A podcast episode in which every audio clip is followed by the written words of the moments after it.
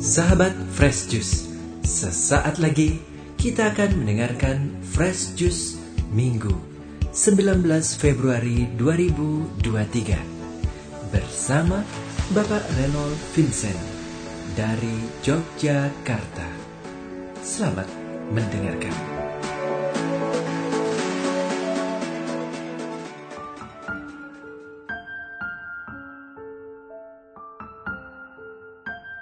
Shalom, berkah dalam. Kembali saya Reynold Vincent dari Paroki Keluarga Kudus Banteng mengudara menemani Anda sekalian merenungkan bacaan Injil pada hari ini. Kembali saya di kawasan Nanggulan, Kabupaten Kulon Progo yang sungguh indah ini kalau rekan-rekan ngikuti Fresh Juice melalui YouTube akan ter terlihat ini ya keindahannya tempat ini benar-benar segar, benar-benar fresh. Maka hari ini kita akan dengarkan, simak bersama Injil yang membuat iman kita fresh, bangkit lagi. Pembacaan diambil dari Injil Matius bab 5 ayat 38 sampai 48. Kamu telah mendengar firman, mata ganti mata dan gigi ganti gigi. Tetapi aku berkata kepadamu, janganlah kamu melawan orang yang berbuat jahat kepadamu, melainkan siapa pun yang menampar pipi kananmu, berilah juga kepadanya pipi kirimu. Dan kepada orang yang hendak mengadukan engkau karena mengingini bajumu, serahkanlah juga jubahmu dan siapa pun yang memaksa engkau berjalan sejauh satu mil, berjalanlah bersama dia sejauh dua mil. Berilah kepada orang yang meminta kepadamu, dan janganlah menolak orang yang mau meminjam daripadamu. Kamu telah mendengar firman, kasihanilah sesamamu manusia dan bencilah musuhmu. Tetapi aku berkata kepadamu, kasihilah musuhmu dan berdoalah bagi mereka yang menganiaya kamu. Karena demikianlah kamu menjadi anak-anak Bapamu yang di surga, yang menerbitkan matahari bagi orang yang jahat dan orang yang baik, dan menurunkan hujan bagi orang yang benar dan orang yang tidak benar. Apabila kamu mengasihi orang yang mengasihi kamu, apakah upahmu? Bukankah pemungut cukai juga berbuat demikian? Dan apabila kamu hanya memberi salam kepada saudara-saudaramu saja, apakah lebihnya daripada perbuatan orang lain? Bukankah orang yang tidak mengenal Allah pun berbuat demikian? Karena itu, haruslah kamu sempurna, sama seperti Bapamu yang di surga adalah sempurna. Demikianlah Injil Tuhan. Saya mau mengajak untuk meng-highlight sesuatu saja, ya. yaitu dua kata, service excellence kesempurnaan pelayanan. Bicara soal kesempurnaan itu berarti di atas harapan kita. Hari ini Tuhan mengajarkan pada kita untuk bisa, untuk rela, untuk mau memberikan pelayanan yang jauh mengatasi kebiasaan, jauh melebihi harapan orang yang kita layani. Itulah trendsetter. Tuhan hadir di dunia ini menjadi trendsetter, bukan follower. Maka kita sebaiknya juga menjadi trendsetter. Membuat suatu gebrakan baru di dalam pelayanan.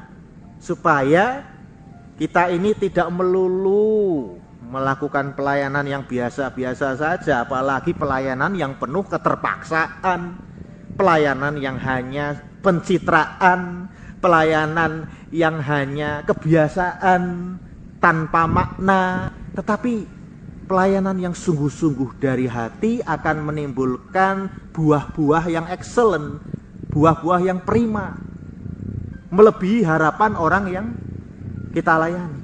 Di kantor kami, PT Nawa Data Solution itu kami memberikan banyak sekali training, ada soft skill, ada hard skill. Dan salah satu materi training yang saya berikan adalah service excellence, kesempurnaan pelayanan. Bicara soal kesempurnaan dibutuhkan pengorbanan. Bicara soal pengorbanan dibutuhkan kerelaan. Bicara soal kerelaan dibutuhkan kerendahan hati untuk mau menjadi Yesus sendiri, menjadi seperti Yesus sendiri. Yesus di dunia ini tidak untuk dilayani. Dia raja loh.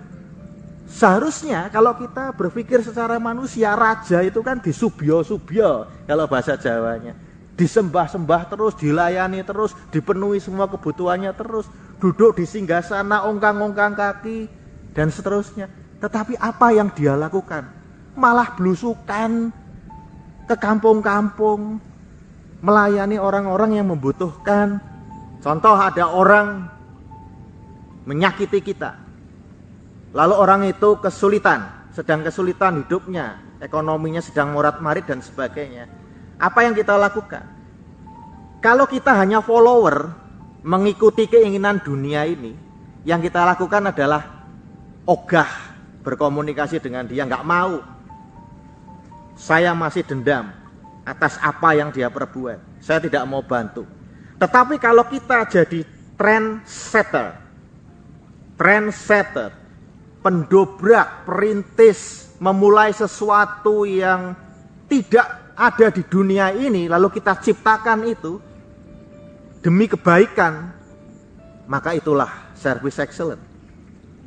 Kita mengampuninya, kita uh, memberikan dia bantuan melebihi, bahkan melebihi yang dia perlukan. Saudari dan saudara, saya punya ketua lingkungan ya, di lingkungan Renya Rosari ini. Saya nggak habis pikir melihat beliau. Beliau itu kerja di rumah sakit Panti Rapih. Udah kerja jadi ketua RW. Wah, apa nggak repot itu? Saya nggak bisa bayangkan. Udah jadi ketua RW, jadi ketua lingkungan. Udah jadi ketua lingkungan, ketambahan jadi katekis. Saya tidak habis pikir bagaimana dia membagi waktu dan kapan dia di rumah. Tetapi panggilan untuk melayani sesama demi kemuliaan Tuhan, itu saya lihat ada padanya. Saudari dan saudara, saya juga punya teman. Teman saya itu banyak memberi piutang, artinya banyak orang berhutang padanya, karena terlalu baik orangnya. Dan ketika uh, banyak orang berutang padanya, apa yang dia lakukan? Apakah dia menagih-nagih? Tidak.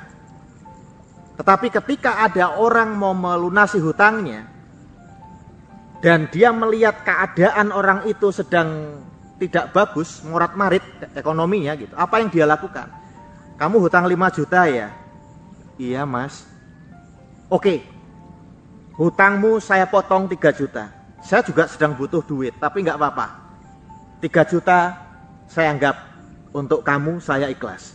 2 juta kembalikan. Yang benar mas, serius nih mas. Serius. Sesama kita itu surprise, happy, bahagia. Tidak menyangka kita memberikan jauh lebih daripada apa yang dia pikirkan, yang dia harapkan.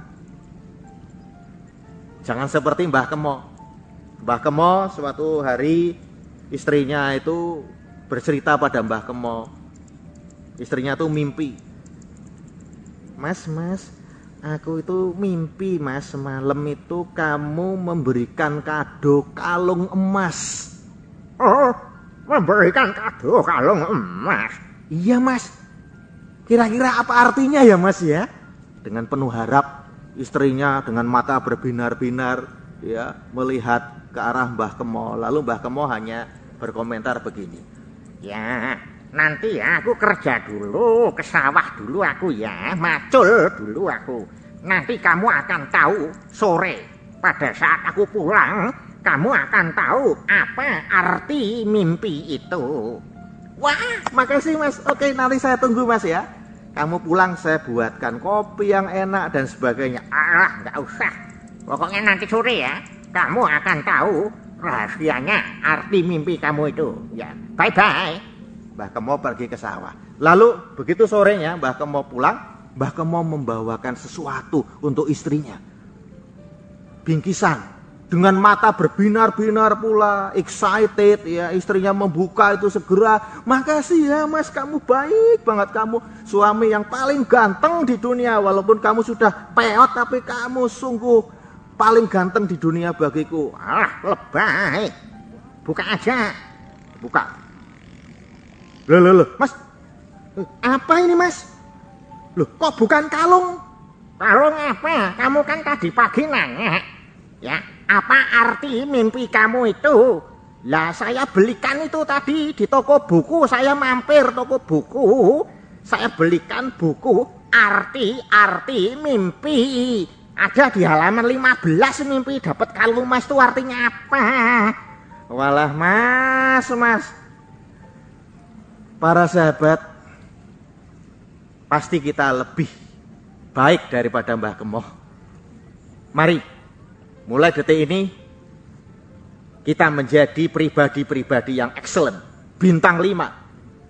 Bukan follower yang mengikuti keinginan dunia ini tapi trendsetter. Pendobrak, perintis, membuat budaya baru. Yaitu budaya excellent. Memberikan pelayanan yang prima pada orang lain. Jauh melebihi harapan orang itu bukan memenuhi harapannya, tapi bukan hanya sekedar itu, tapi melebihi harapan dari sesama kita. Dalam kasih, dalam nama Tuhan Yesus, untuk kemuliaan nama Allah. Tuhan memberkati selalu untuk selamanya, berkah dalam. Sahabat Fresh Juice, kita baru saja mendengarkan Fresh Juice Minggu 19 Februari 2023. Terima kasih kepada Bapak Renold Vincent untuk renungannya pada hari ini. Sampai berjumpa kembali dalam Fresh Juice edisi selanjutnya. Tetap semangat, jaga kesehatan, dan salam Fresh Juice. Ciao.